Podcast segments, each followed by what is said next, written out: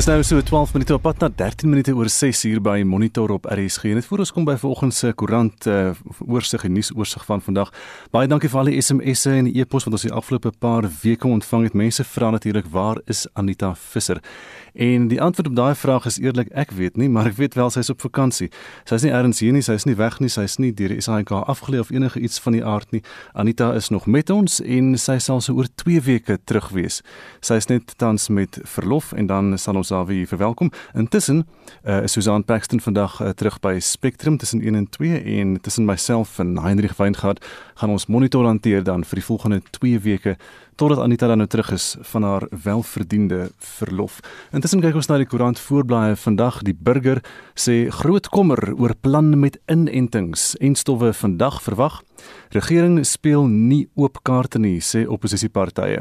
En uh, president Cyril Ramaphosa, 'n bes, bes, besmakingsveldtog is nodig omdat daar nog baie mites oor hierdie enstowwe is en die berig sê terwyl die eerste besending van die Oxford AstraZeneca enstof uh, vandag aan die land verwag word, heers groot kommer oor die inentingsplan dan nou en al die besonderhede in daardie berig op die burger vanmôre. 'n Ander berig sê mevrou jou hond ry straat af met jou kar. asof botter nie in haar bek kan smelt nie sit Clara by haar eienaar daar op die foto. Uh, maar vroeër het Clara toe nou die kar gevat uh, Marlies uh, Baan se hart het Paul Makisi geslaan met 'n uitroep van my hond my kar o liewe hemel het sy na buite gehardloop.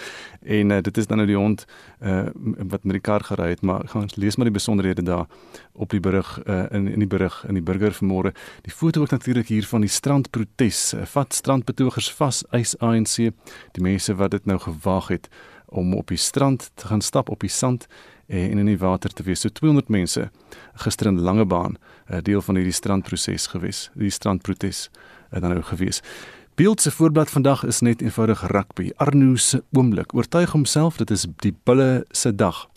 En dit nou na Saterdag en na die Karibeker eindstryd. Arno Botha sê om die Karibeker te wen is flippend spesiaal. Sê hy dit was nog altyd my span. Arno Botha plaasvervanger los voorspeler en baie gelukkig daar op die voorblad dan nou met hierdie oorwinning uh van die bulle. Ook 'n berig vanoggend wat sê bekende arts vermoor, man beseer toe rowers hulle oorval. Dit lyk of Erna besig was om wasgoed op te hang, so die deur was oop.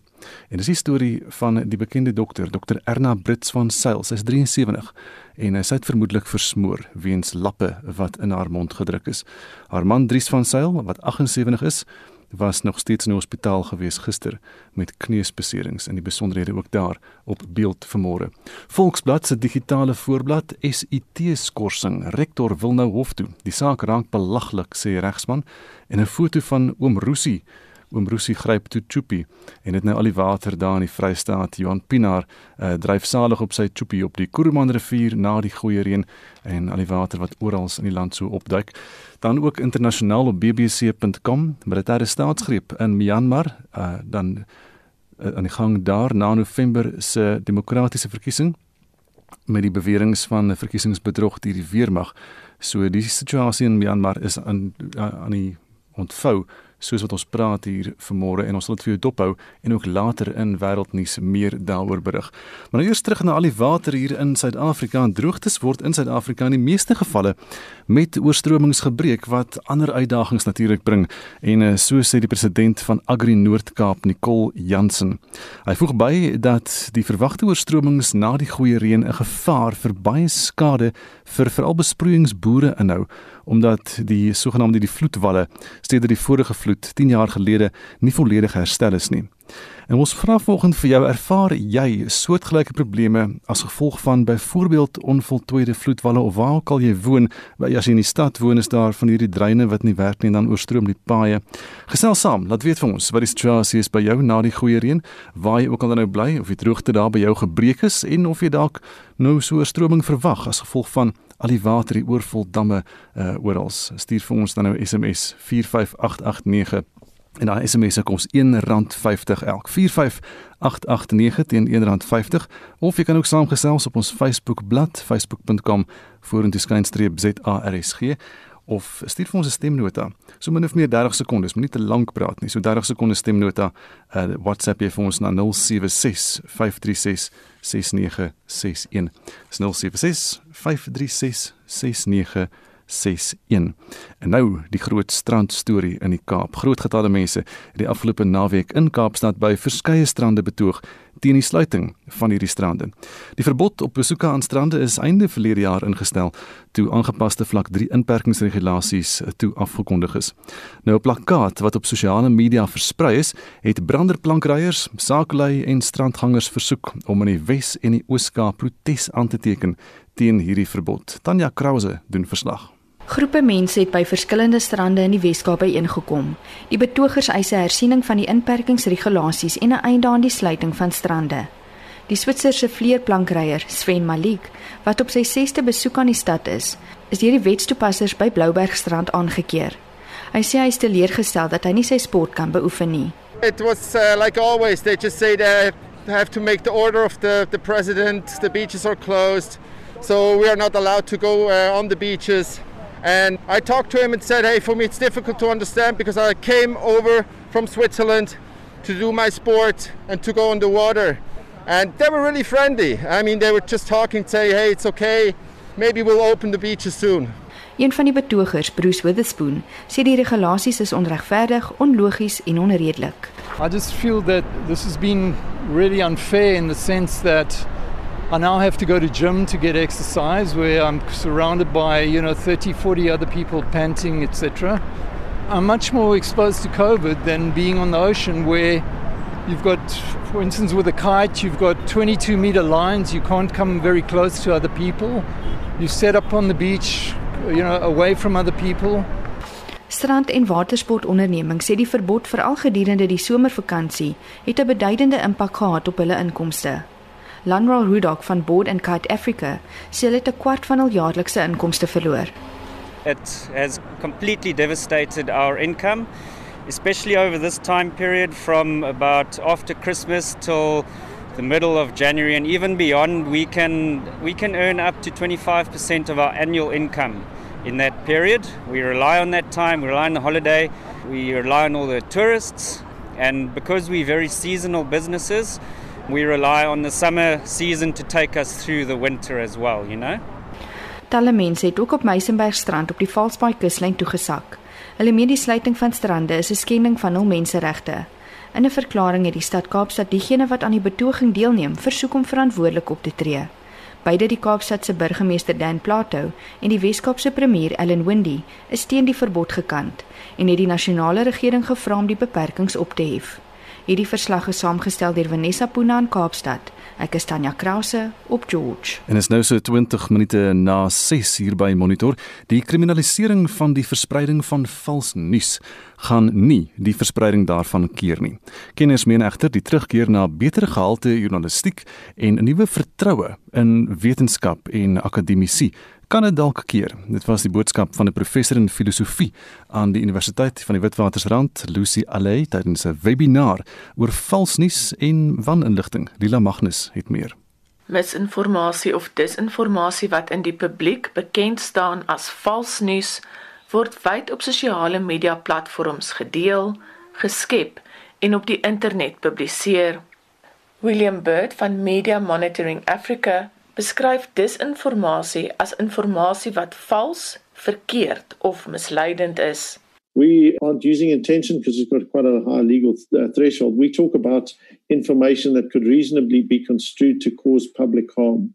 So it's not just enough to be false or misleading, it's got to be information that could cause public harm. If it meets those elements, then it's quite likely to be mis or disinformation. Hy sê disinformasie laat mense twyfel in wat hulle glo en weet en dit is gevaarlik veral wanneer dit gaan oor die COVID-19 pandemie of die COVID-19 inentings. The moment you create that level of doubt as a citizen it means you don't know quite what to do and the moment you don't know what to do it promotes inaction it means that you're not able to trust or determine which way you want to go as a citizen. Do I take the vaccine? Well, saying that it's got 5G, but maybe it isn't about 5G, but maybe there's enough doubts to make you think, oh gosh, I don't know. Dr. Jabu Mtsweni, 'n kenner van digitale en inligtingsekuriteit, sê regeringsdepartemente is veral die teikens van vals nuus. When we did our analysis, it affects, for example, the Department of Health, the presidency in our country. They tend to be the ones who are mostly targeted, but you have the Department of Education as well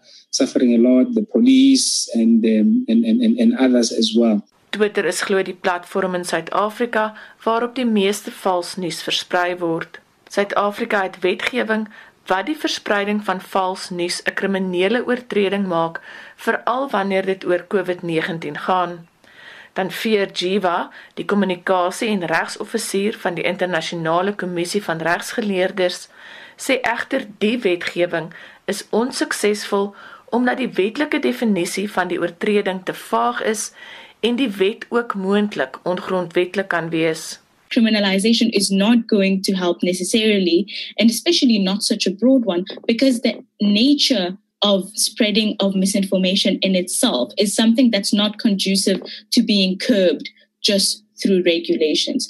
Criminalization won't necessarily be helpful. And it's just a matter of empowering ourselves and also the government revisiting the laws that they have enacted.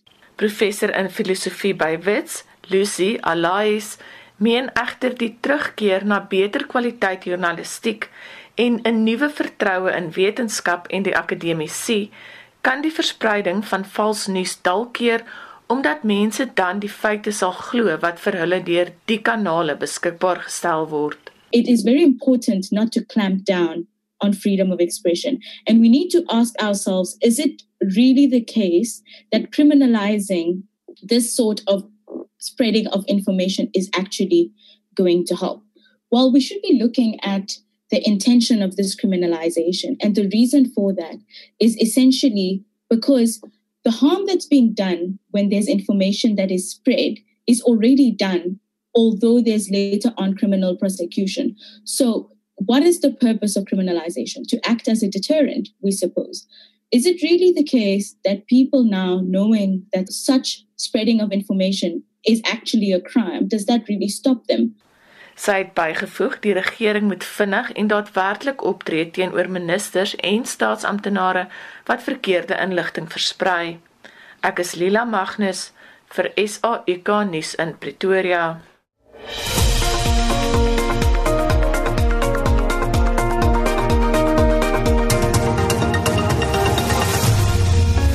Dankie dat jy saamluister na Monitor op RSG. Nou inwoners van Betuli in die Vrystaat is al vir jare lank sonder water en dit ten spyte van die damme wat oorloop na die afgelope swaar reën.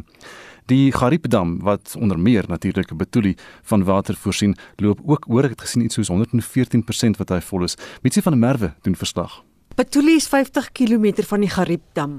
Inwoners sê hulle is al jare sonder lopende water terwyl die watertanks in die gebied nou gevandaliseer word. Ouer mense sê dit is 'n uitdagende looptog vir kilometers om water te kry. The Jojo tanks staying there in Lutespark Hall and it's being hard for old people to go there and those Jojo tanks doesn't supply all of us. We don't have water for a long time. We've been suffering. We've been without water for almost two years here in Fechanoch, man. So for us to get water, we really struggle, man. We have to travel a long walk to get water there. And when we arrive there, we fall some long queues there. Die departement van water en sanitasie sê damvlakke in die Vrystaat is hoër. Sputnik Ratou is die woordvoerder van die nasionale departement. Biggest dam in the country, the Harib, at about 103 and between 103 and 106 percent in the week that has just gone past and spilling. And that has been a very good sign for the integrated Val River system because we have seen that the integrated Val River system has also recharged to about 78.1% in the week. Hoewel sommige inwoners hoop dat die omstandighede sal verander, is daar baie wat skepties is. Apomolele Mdadlane het hierdie verslag in Betuli saamgestel. Mitsi van der Merwe, SAK nuus. En gepraat van die SMS'e, ons gepraat vanoggend oor die uh, droogtes en die waters, al die water wat in Suid-Afrika geval het, die damme wat so vol is en of dit jou raak en hoe dit jou raak. Estie, goeiemôre. Môre Gustaf, Christopher Dean Mill skryf hier in Queenstown is 5 jaar se droogte gebreek met al die reën wat ons die afgelope 3 maande daar gehad het, hier gehad het eerder. Ek is te dankbaar vir hierdie seën van lewe. Wat my wel omkrap is al die miskommunikasie en reaktiewe optrede onder almal wat geraak kan word deur die verwagte oorstromings. Rex Bester sê jammer vir die streke wat vloede met skade ondervind. Andersins kan ons dankbaar wees vir die wonderwater wat nodig is vir oorlewing van mens, dier en natuur. En Jonathan April van Gouda laat weet ons hier in die Wes-Kaap is baie gelukkig met wintertye raak dit 'n bietjie rof met oorstromings in informele nedersettings, maar andersins is ons nie invloedgevare op die oomblik nie.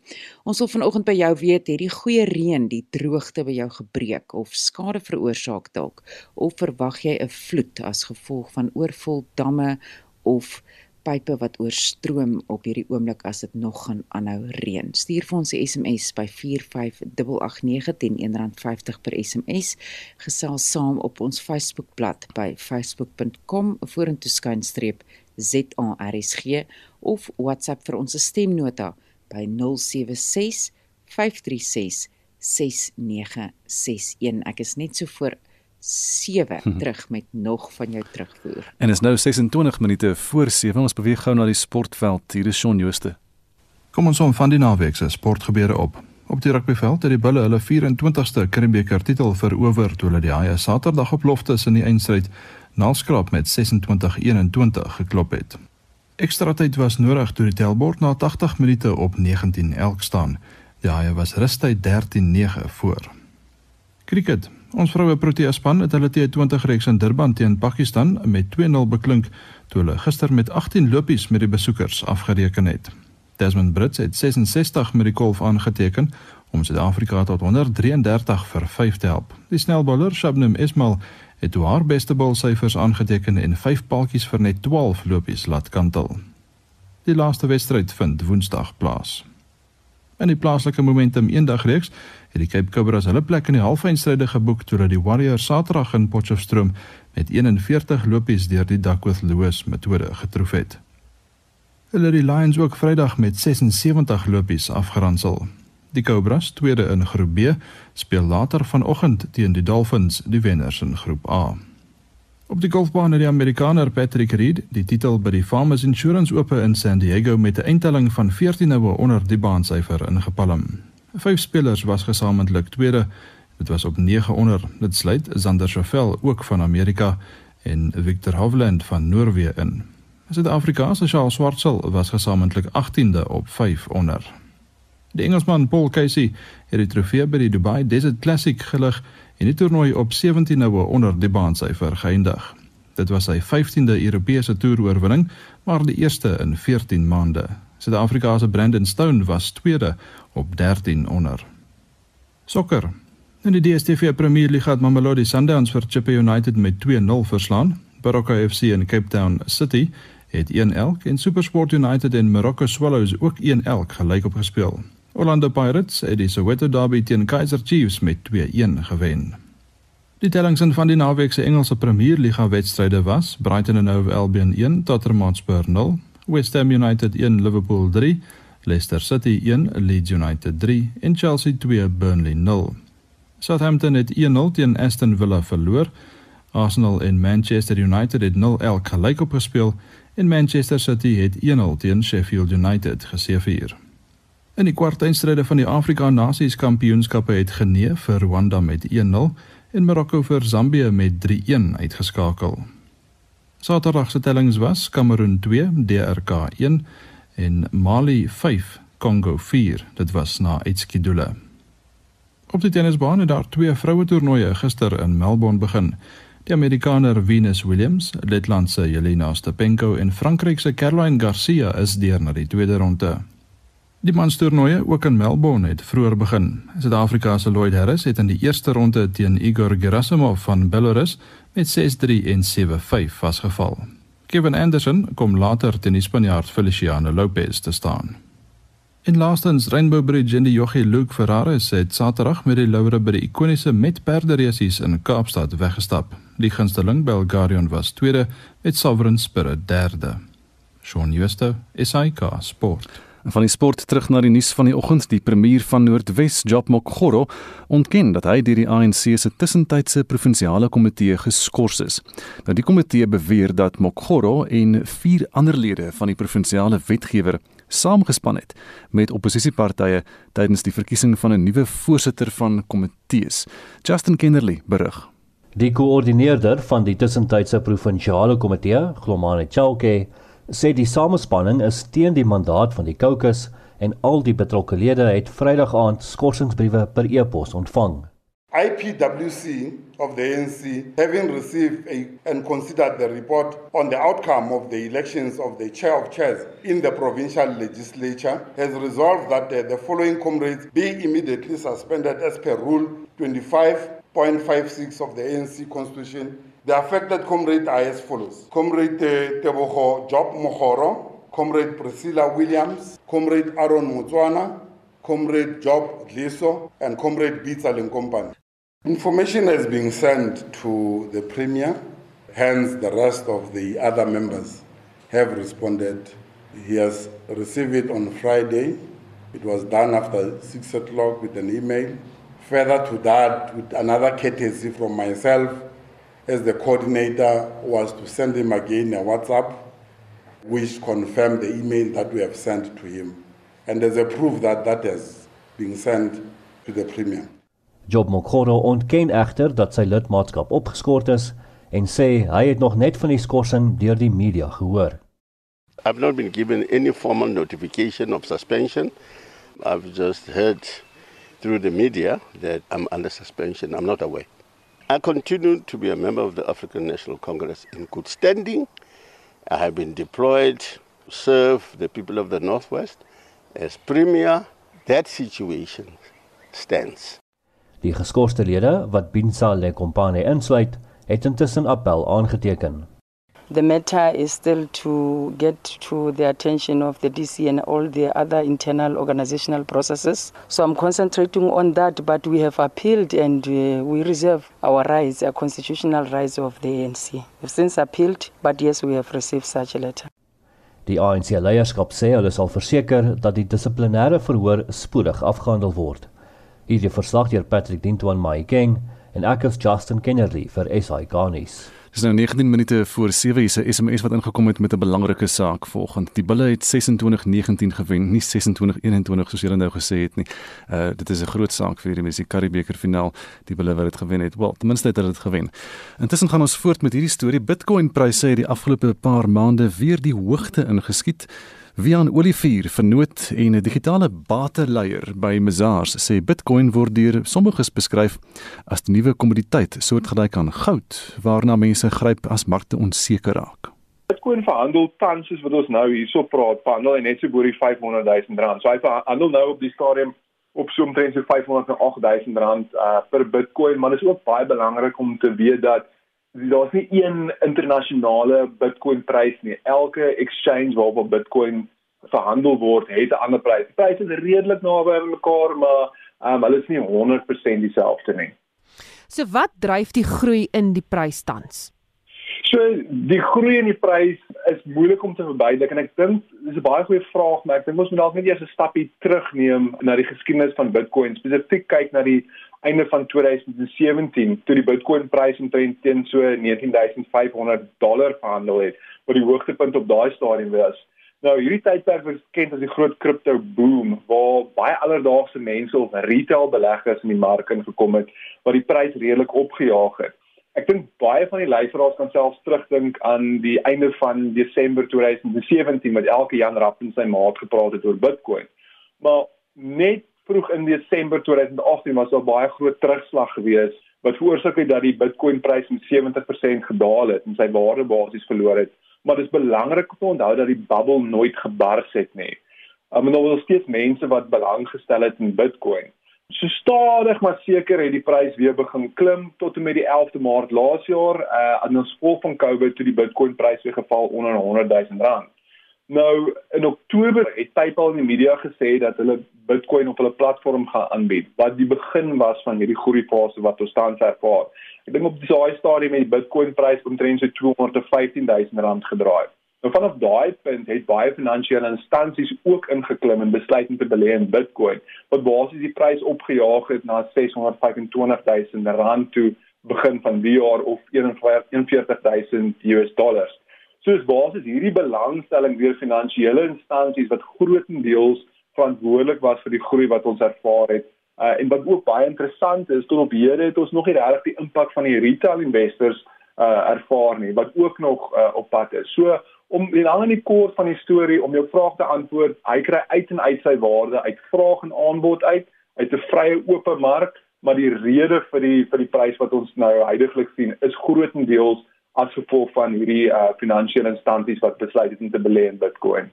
Nou, dit word ook beskryf as die digitale goud van die wêreld. Is dit werklik so en hoe werk dit? Ja, so uh, dit is eintlik een van die vergelykings waarvan ek baie hou en dit is eintlik verskriklik maklik om te verduidelik om basies Bitcoin met goud te vergelyk. So kom ons dink terug aan die ou dae. Iemand het besluit om goud te myn en 'n ware daaraan geheg, omdat dit nie maklik bekombaar was nie, dit kon maklik verdeel word, dit kon geweeg geword het, dit was duursaam. Een stuk goud was gelyk aan 'n ander en mense het dit aanvaar as 'n middel van betaling. So mense het geglo goud het waarde want ander mense het ook geglo dit het waarde. So kom ons kyk nou na Bitcoin. Daar's 21 miljoen Bitcoin wat ooit in sirkulasie gaan wees. Uh dis nie maklik bekombaar nie. Dit moet gemyn word. Natuurlik Bitcoin werk met iets wat uh ons noem 'n consensus algoritme wat die miners basiese transaksies goedkeur uh en en dat dit ehm um, verantwoord word op die blockchain. Ehm um, so daai miningsproses natuurlik gee elke keer 'n nuwe Bitcoin of 'n nuwe Bitcoin word gemint. So elke Bitcoin kan ook dan verdeel word in 1 miljoen. Dit is duursaam want dit word op elektroniese gehou op op die blockchain self. Bitcoin op die stadium, een Bitcoin is presies dieselfde as ander ene behalwe nou vir die kodes op die op die blockchain, maar op hierdie stadium Bitcoin is meer aanvaarbare middel van betaling as goud ook. En een van die groot voordele wat Bitcoin het as gevolg van die tegnologie is jy kan Bitcoin stuur reg oor die wêreld in 'n kwessie van minute. Dit hoef nie ergens gestoor te word of oor see gestuur te word of iets en dit is als als elektronies en dit hoekom kom Bitcoin gesien word as die nuwe meer moderne beter weergawe van goud. Jy het nou nou gepraat oor uh jy was 'n groot toename gewees hier by 2017 en almal wat wil Bitcoin koop. Toe bars daai bubble as mens dit so kan stel, maar wat is die kans dat dit weer so 'n tendens sal volg van 'n groot toename in die koop af van en dan weer 'n afkoop? So dis baie interessant as ons kyk na Bitcoin se geskiedenis en jy jy praat van as elke keer praat ons van 'n regstelling of 'n terugslag uh, op die op die Bitcoin prys en en dit is uit uit 'n bubble en daar's natuurlik der duisende teorieë en tendense en sommige mense glo dat Bitcoin volg 'n 4 jaar periode siklus maar uh, kom ons kyk na die na die bubble. So die vraag is is Bitcoin 'n bubble? En ek gaan sê ja maar dit is belangrik om te onthou almal nie hardloop van 'n Bitcoin nou gaan verkoop hier, maar ons moet kyk wat dit die definisie van 'n bubble is en die eienskappe van 'n bubble. Want baie mense vergelyk selfs goud as 'n bubble ook, die prys van goud, want 'n bubble is baie uniek aan 'n bateklas wat nie 'n intrinsieke waarde het nie. Soos byvoorbeeld goud. Hy het nie regtig 'n intrinsieke waarde. Ja, hy het bietjie van 'n industriële gebruik, maar anders is dit nie regtig nie. So 'n bubble is slegs nadelig indien daardie bubble bars en daar's geen belangstelling op geloofwaardigheid in 'n spesifieke bate nie. Soos wat ons nou self gesê het met geldeenhede soos in Brasilië, soos in Zimbabwe, maar oor die geskiedenis van van Bitcoin was daar nou 'n paar bubbles gewees. Maar wat interessant is, die laagste punt na elke hoogtepunt is hoër as die vorige laagtepunt. Wat vir ons 'n aanduiding gee dat daar meer en meer aanvaarding tussen beleggers is en dat die bubble basies gaan veroorsaak dat die langtermynprys gaan groei want ek het nydag ook met iemand gepraat daaroor en as ons kyk na kom ons sê die jy het gekoop op die hoogtepunt van 19500 dollar aan die einde van 2017 die mark het afgekom jy 70% van jou waarde verloor maar kom ons sê jy het gekoop op daai hoogtepunt. As jy dit aangehou het of jy daai bitcoin gehou het tot en met die hoogtepunt wat ons nou tans aanvaar het sou jy amper jou geld verdubbel het. So oor die lang termyn is daar ons praat oor in in die in die crypto industrie as oor mass adoption So stadig maar seker beweeg ons na die mass adoption toe meer mense begin hierdie bateklas te vertrou en dit gaan maak oor die lang termyn dat dat die groei van op die waarde van van Bitcoin sal toeneem. Die stem daarvan Wihan Olivier is vernoot en 'n digitale bateleier by Mazars en Susan Paxton het die onderhoud met hom gevoer. Nou is dit 12 minute voor 7 hier by Monitor en vyf Suid-Afrikaanse matriekleerdlinge het verlede week vertrek na Antarktika vir 'n opvoedkundige avontuur van 'n leeftyd. Die groep is uit meer as 3000 gekies nadat hulle ingeskryf het vir 'n kompetisie oor hoe hulle prakties kan bydra tot natuurbewaring. 'n Klimaatsveranderingsaktivis van Khayelitsha in die Wes-Kaap is deel van hierdie groep en Tanya Krause doen verslag. Ayaka Melitafa van die Sentrum vir Wetenskap en Tegnologie in Khayelitsha is een van die studente wat die reis na die Suidpool onderneem het. Melitafa is 'n woordvoerder van die African Climate Alliance en het verlede jaar die Wêreldekonomiese Forum in Switserland bygewoon. Destyds het sy aan SAK nuus gesê dat die droogte wat die Wes-Kaap getref het, haar tot aktivisme gelei het omdat haar gesin op landbou staat maak.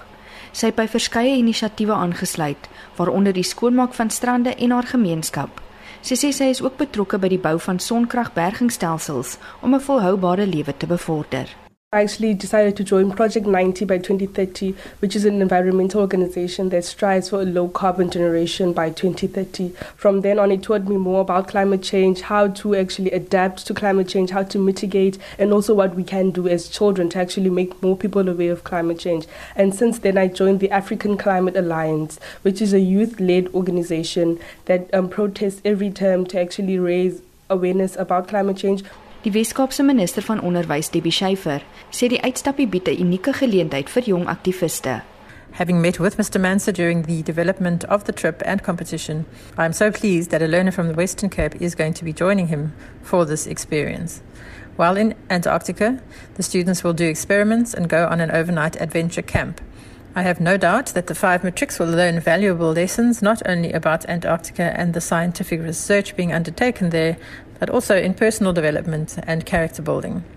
Kobus Burger van die Noord-Kaap, Boyketlo Lamula van Gauteng, Tia Innes van KwaZulu-Natal en Kelby Baker van die Oos-Kaap is deel van die groep wat saam met die ontdekkingsreisiger Rian Meinzer en 'n span van die Universiteit Stellenbosch na die yswoestyn gereis het. Hierdie verslag is saamgestel deur Vanessa Puna in Kaapstad. Ek is Tanya Krause op George. Die glasbottelvervaardiger Kansel Glas sê die voortsleepende verbod op alkoholverkope het 'n vernietigende impak op hulle inkomste en winste. Die maatskappy sê die drankbedryf dra met bottelering by tot meer as 80% van sy verkope. Nou die maatskappy versoek die regering om die verbod op drankverkope te heroorweeg. Vincent Mofokeng het meer. Konsol se bestuur sê hy ondersteun die regering se pogings om mense teen die dodelike COVID-19 virus te beskerm, maar die maatskappy sê die verbod op drankverkope het 'n groot impak op sy finansiële gesondheid. Volgens die senior kommersiële hoof by Konsol Glass, Steven van Eck, het hulle tydens die vorige drankverbod 1,5 miljard rand verloor. Van Eck sê hulle is ook gedwing om sewe poste te vries en kapitaalprojekte uit te stel. Jy kan nie 'n glasfabriek enigsins stop nie. Dit beteken as ons kliënte nie glas by ons koop nie, dan moet ons nog steeds aanhou om glas te smelt sonder enigiets te maak en dit kos ons 250 miljoen rand 'n maand wat jy net vir 'n sekere periode kan doen. As jy by daai punt kom, moet ons die lyne begin stop en ons moet begin mense afbetaal en retrenchments doen. En die die mees ekstreme situasie is jy moet die oond afsit. En uh, dan gaan dit jou 18 maande tot 24 maande vat voor jy hom weer kan opstaan. En dis die probleem met met 'n glasfabriek. Hy is nie jy kan hom nie aansit of afsit die hele tyd nie. Hy hy moet aanlopend uh, gebruik word. Die Wes-Kaapse minister van Finansies, David Meyer, sê hy het voorleggings aan die nasionale regering gemaak om die beperkings op drankverkope te verslap. The alcohol ban and the restrictions in general have hammered the tourism and hospitality sector, but also all the companies in the value chain. The bottom line is if the restrictions are not lifted, this company is not sustainable. And there is a risk, of course, of us losing 550 jobs. Die glasbottelvervaardiger, Consol Glass, versoek die regering om die verbod op die verkoop van alkohol te hersien. Die verslag van Chris Mabuya in Kaapstad. Ek is Vincent Mufokeng vir SAK nuus. Nou ons het 'n jaar gelede berig oor 'n jong olifantbul wat onverwags uh, in die Desember vakansieseisoen van 2019 sy verskyning op Swakopmund in Namibië gemaak het daar tussen die duine. Maar wat het intussen toe nou gebeur? Ons medewerker op die dorp, Frikkie Wallis, het gaan ondersoek instel. Nadat die olifant wat vinnig die naam Apollo gekry het, omstreeks Kersfees 2019 van ander kant Henties Baai af hier aan die buitewyke van Swakopmund aangekom het, het hy inwoners se oë laat trek en baie mense in hulle voertuie laat spring om die ongewone verskynsel te aanskou. Die laaste olifante in die natuur is daarom meer as 120 jaar laas in die deel van die Namib gesien. Deesdae is die naaste woestynolifante meer as 70 km ver noord van Henties waar hulle in die woestyn oorleef.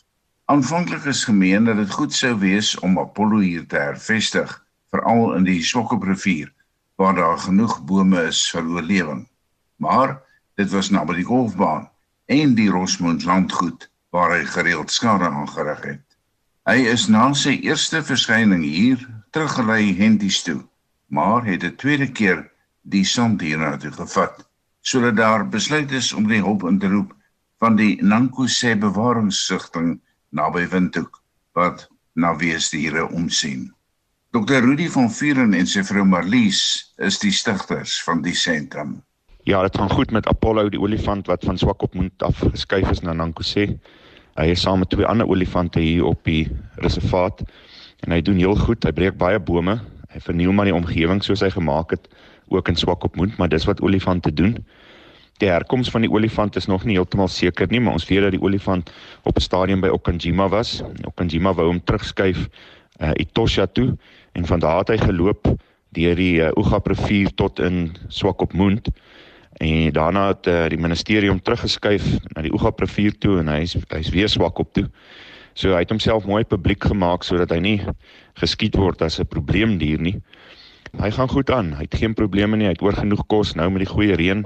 Is daar geen rede vir hom om om enigsins uh, te probeer uitbreek of weg te gaan nie. Hy het goed aangepas.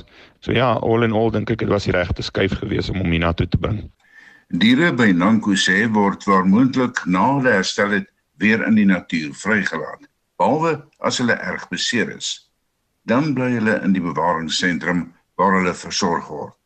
Wat die geval met Apollo gaan wees is nog nie oorbesluit nie, maar intussen pas hy hom goed aan en het hy daarom twee nuwe olievriende gemaak. Ek is Frikkie Wallis op Sok op Mond. Nou die ultra uithou vermoë atleet Jamie Maree het sy eerste boek Determination in die autobiografie bekend gestel. Dis gebaseer op 'n reeks ultra uithou vermoë uitdagings wat elkeen in 'n gevaarlike omgewing plaasvind met uiters uitdagende fisiese doelstellings en ook natuurlike bedreigings. Tanya Krause doen verslag. Jamie Marie is bekend vir sy gewaagde avonture. Sy outobiografie gee die leser 'n kyk agter die skerms van sy prestasies en bied 'n blik op die gedagtes van 'n atleet wat dikwels die bo-menslike vermag het. Marie sê dwars deur die boek verbind hy uitdagings wat hy as atleet in die gesig staar met uitdagings waarmee mense in die alledaagse lewe te doen kry. The message of the book is very very simple and very strong and the message is nothing you are facing in life is ever too big to face and overcome. That's it in a nutshell. And then it's also about training your mind to see the silver lining on every cloud because it's there, you just have to learn to see it. In 2016 het hy die eerste mens geword wat Tafelberg 22 keer in 28 uur oor 2 dae kon bestyg. Hy het onlangs ook 'n bergfietsrit van 36 uur in 'n wildreservaat voltooi om geld in te samel vir 'n renosterbewaring. Sy boek bied 'n omvattende vertelling van die talle veel eisende uitdagings wat hy aangepak het, insluitend vertikale wedlope en waagbergfietsry wat in gevaarlike toestande in Afrika plaasgevind het. Maar hy sê hy glo om uitdagings aan te pak vir 'n goeie doel. There's always two very strong reasons that I take on these challenges. The first one is to inspire people to believe in themselves and realize that nothing they're facing is ever too big to face and overcome, which is the message of the book. And then it's always linked into raising support for a worthy cause, but something that's genuinely close to my heart. And in this case, rhino conservation, specifically at Kariga Game Reserve, where the anti poaching unit needed the support. Die outobiografie word uitgereik op 'n tydstip wanneer inspirasie en 'n gesonde leefstyl noodsaaklik is om die COVID-pandemie te oorkom. Hierdie verslag is saamgestel deur Lentjie Bierman in Kaapstad. Ek is Tanya Krause op George. Daar is geen verkeer. En ons begin in Gauteng. Daar's 'n voertuig wat staan op die N1 noordwaarts net na Olifantsfonteinweg en die regterbaan daar is versper, maar die verkeer beweeg in hierdie stadium nog verby daardie voertuig wat daar staan langs die pad. Daar's wel 'n probleem vanoggend in Germiston hier aan die oostrand. Daar's 'n ongelukstoneel op die N12 weswaarts na Kraftweg wat swaar verkeer veroorsaak in daai omgewing. Uh dis in 12 dan nou en ek weet in 12 ooswaarts ook was nou by hom uitkom. In KwaZulu-Natal staan daar voertuie op die N3 ooswaarts na Pieter Brown Rylaan linkerbaan is daar versper.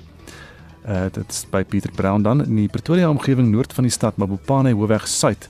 Daar is verkeer stadig daar by blok XX verby en 'n vragmotor staan in Pretoria op die N1 suidwaarts net na Rigel of Rigel afhangend van hoe jy dit wil sê. Die linkerbaan daar is versper daar op die N1 vanmôre. Ongeluk N4 Oos net voor die R101 Bonaccord uh, in Pretoria en verkeer staan terug in daai omgewing R300 uh, Noord by die N1 inwaarts in Kaapstad. Daar's vertragings vanmôre en dan natuurlik daai kettingbotsing vanoggend N12 Wes net na Kraftweg middelbaan gesluit op die N12 vanoggend in Germiston. En dit is die verkeer as jy enigiets anders nog vir ons het 45889 na ja, dit kos R1.50. En gepraat van die SMS'e en die terugvoer, Estie, wat sê die mense? Janu sê ons boere hier in die Noord-Kaap teen die Oranje rivier, die Oranje rivier loop baie hoog. Ons moet ons besproeiingspompe teen die wal opskuif want hulle is in gevaar. En Skalk van Staten sê by ons op Roos Senekal en dit is daar in Mpumalanga raak dit net altyd bewolk en as dit reën, reën dit net 'n klein bietjie. Ek wens dit wil nou 'n slag ordentlik by ons reën soos op die plekke rondom ons. En Clive laat weet ons hier in Richie het 'n paar huise verlede week oorstroom met die goeie reën, maar dit kan toegeskryf word aan swak infrastruktuur en geen dreinering wat in plek is nie. Dis hartseer dat daar niks daaraan gedoen word nie. Die Modderrivier is vol, maar daar is nie onmiddellike gevaar van vloede nie. Laat weet vir ons watter skade daar in jou omgewing is as jy weet van enige iets of daar vloedgevaar is of hoe die reën daar in jou omgewing lyk. Ek is net so na 08:30 terug met nog van jou terugvoer. En net na 7 vanoggend op monitor gesels ons vandag weer met Dr Angelique Kutse van die Suid-Afrikaanse Mediese Vereniging. Die enstowwe, die eerste enstowwe kom uiteindelik vandag in Suid-Afrika aan. Die president gaan dit sommer persoonlik in ontvangs neem en ons praat met Dr Angelique Kutse oor hierdie enstowwe en die verspreiding daarvan. Maar nou is dit eers 7 uur en is nuustyd volgende op RSG.